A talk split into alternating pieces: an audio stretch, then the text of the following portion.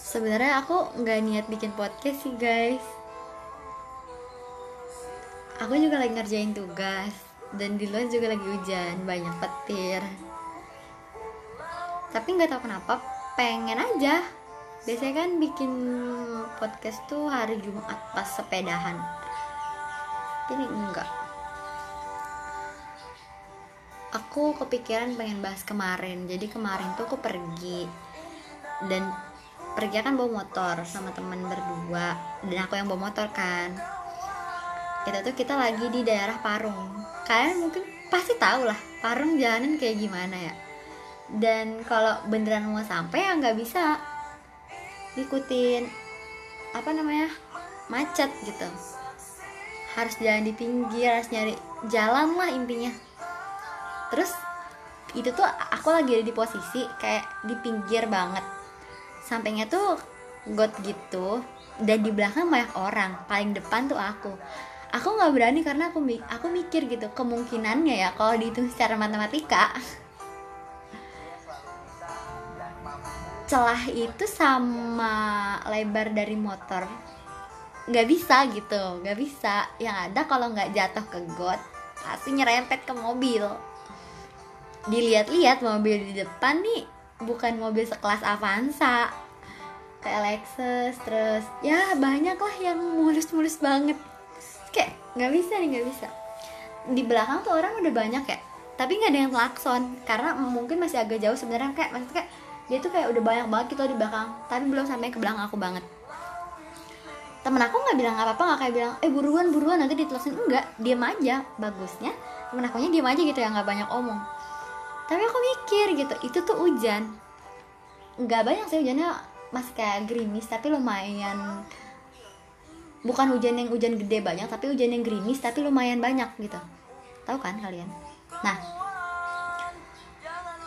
aku mikir kayak yang kok ini tuh kayak pelajaran gak sih? Kalau misalnya kita berhenti banyak hal yang ikut berhenti. Banyak orang yang mungkin merasa akan akan merasa terbebani dari berhentinya kita. Ibarat kalau aku di, di posisi saat itu ya mungkin di kehidupan aku tuh kayak lagi nyerah gitu. Nyerah sama banyak hal yang mungkin udah aku usahain gitu. Dan mungkin dan ternyata ada banyak orang yang bergantung sama aku dan mungkin ada banyak orang yang merasa terbantu sama aku. Dan ketika aku menyerah dan ketika aku berhenti ada banyak orang juga yang yang akan terbebani yang akan merasa kesulitan gitu. Dan mungkin juga bahkan aku akan jadi penghalang iya nggak sih? Aku nggak mikir panjang. Ya udah terabas aja. Mau jatuh mau nyenggol eh mau nyerempet mobil ya udah gas aja. Konsekuensi ada, ada nanti gitu. Buat apa hidup kalau misalnya nggak pernah nyoba? Kayak apa apa diperhitungkan apa apa takut. Ya buat apa gitu? Selalu terpaku sama teori. Dulu aku pernah apa tuh jadi dulu waktu pertama kali masuk pondok kan bayang mahfuzat mahfuzat ya. Di ingat banget di mahfuzat lantai 2 di samping kamar 4 itu ada tulisan intinya tuh kayak orang yang tahu sama orang yang melalui itu ber, dua orang yang berbeda. Aku mikir kayak orang yang tahu ya pasti tahu gitu ngerti gak dan orang yang melalui juga tahu jadi dua sama tahu nggak ada yang berbeda. Aku kekeh gitu. Tapi hari hari itu aku tahu kalau keduanya adalah benar orang yang berbeda orang yang mungkin ngejalanin akan lebih tahu struggle-nya titik di mana mereka harus kayak gini kayak gitu sedangkan orang yang tahu secara teori mungkin juga mungkin ya dia apal banget dan tahu banget teorinya tapi mungkin ketika tur turun di lapangan dia nggak bakal sebisa orang yang pernah ngalamin Iya gak sih? Nah, pas lagi macet-macet kayak gitu, gue tuh kepikiran itu terus kayak, wah manjang pikir kayak, ya udahlah jalan aja. Akhirnya aku jalan dan itu tuh panjang banget guys. Aku tuh motong dari jalan Parung tuh bukan yang dari jalan yang gede dari Bogor ya, tapi aku masuk ke dalam dulu, baru aku motong dari yang pas keluar deket Miramen. Udah di pasar dalam gitu, karena aku mau masuk lewat Pedurenan. Kan kayak itu simple banget ya. Ya udah. Ya udah ya udah ya udah. Ternyata aku bisa ngelewatin itu guys. Dan aku nggak jatuh. Temen aku tuh udah kayak yang ngeri ngeri gitu ya. Tapi dia nggak ngomong apa apa bagusnya dia nggak ngomong apa apa dan orang yang di belakang aku tuh nggak telaksan mereka akhirnya jalan. Pas udah di jalan normal aku tuh mikir kayak yang semua orang itu punya tujuan gitu. Kalau misalnya lo nyerah di tengah jalan ibaratkan lo itu lagi di jalan raya.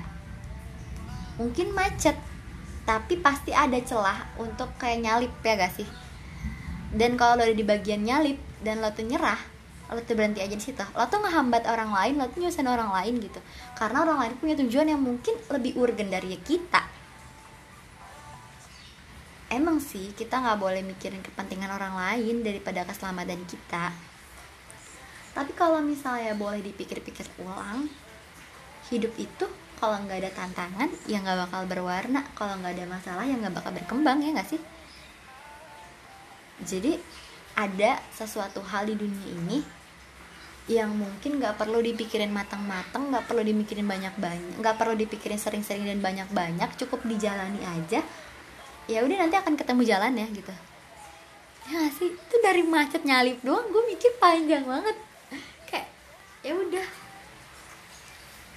Makanya mulai saat itu aku udah nggak sering kayak banyak dipikir nanti konsekuensinya apa nanti dampaknya seperti apa gitu. Kalau mungkin ya untuk hal-hal yang sebenarnya kita nggak tahu ya itu tuh bakal berdampak buruk apa enggak. Gini gini. Di hidup ini kan ada hal yang ketika kita pikirin oh ini eh, akan mendapat berdampak buruk gitu. Kita list mudorot sama baiknya apa kalau misalnya lebih banyak mudaratnya ya udah nggak usah dilakuin tapi kan ada hal juga hal yang kita nggak tahu ini tuh bakal buruk apa enggak ya. Kita kan udah tahu ya kita ini udah dewasa. Eh enggak dewasa kita ini udah tua. Baik buruk kita udah bisa bedain. Benar salah kita udah tahu pedomannya dari mana. Ya udah gitu. Kalau misalnya selagi nggak selagi anal di analisis pertama itu sebenarnya nggak bak nggak kita juga masih nggak tahu ya. Kayak contohnya lah ini bakal gagal apa enggak ya kalau gagal nanti aku bakal rugi keuangannya aku bakal rugi waktu aku bakal rugi bakal diomongin orang bakal dicaci kayak gitu-gitu kan. Itu sebenarnya hal-hal yang mungkin masih dalam diragukan gitu. Karena kita nggak pernah tahu hasil di depan kayak gimana. Nah hal-hal yang seperti itu kayaknya nggak perlu dipikirin panjang-panjang dan matang-matang. Karena memang tidak ada kepastiannya kalau nggak dilakuin kalau nggak dijalanin ya nggak? Jadi mulai sekarang mungkin kita bisa mencoba hal yang tidak perlu dipikirkan matang-matang dan banyak-banyak cukup dilakukan aja cukup dijalani aja bakal nanti akan ketemu jalannya nanti akan ketemu hasilnya. Mau itu baik mau itu buruk cukup diterima ambil pelajarannya. Karena kita mungkin ke depannya akan jalan lebih jauh dan kita akan membutuhkan ilmu tersebut gitu. Ya enggak sih? Hujan guys tidak perlu terpaku akan gagal atau berhasil karena baik gagal maupun berhasil keduanya adalah bonus. Arti dari sesungguhnya adalah perjalanan yang kita alami gitu. Perjalanan itu perjalanan itu akan mengantarkan kita pada banyak hal. Pada pembelajaran waktu pada pembelajaran kehidupan pada pembelajaran menghargai atau mencari arti. Yang penting itu kan bukan hasil tapi progres kan. Allah tuh nggak pernah lihat hasil kan katanya eh ada ada ada. Pokoknya Allah tuh nggak ngeliat hasilnya tapi Allah tuh lihat dari prosesnya. Iya aku ingat itu. Dulu aku juga terpaku sama kata-kata yang bilang hasil tidak akan mengkhianati proses. Enggak. Enggak gitu.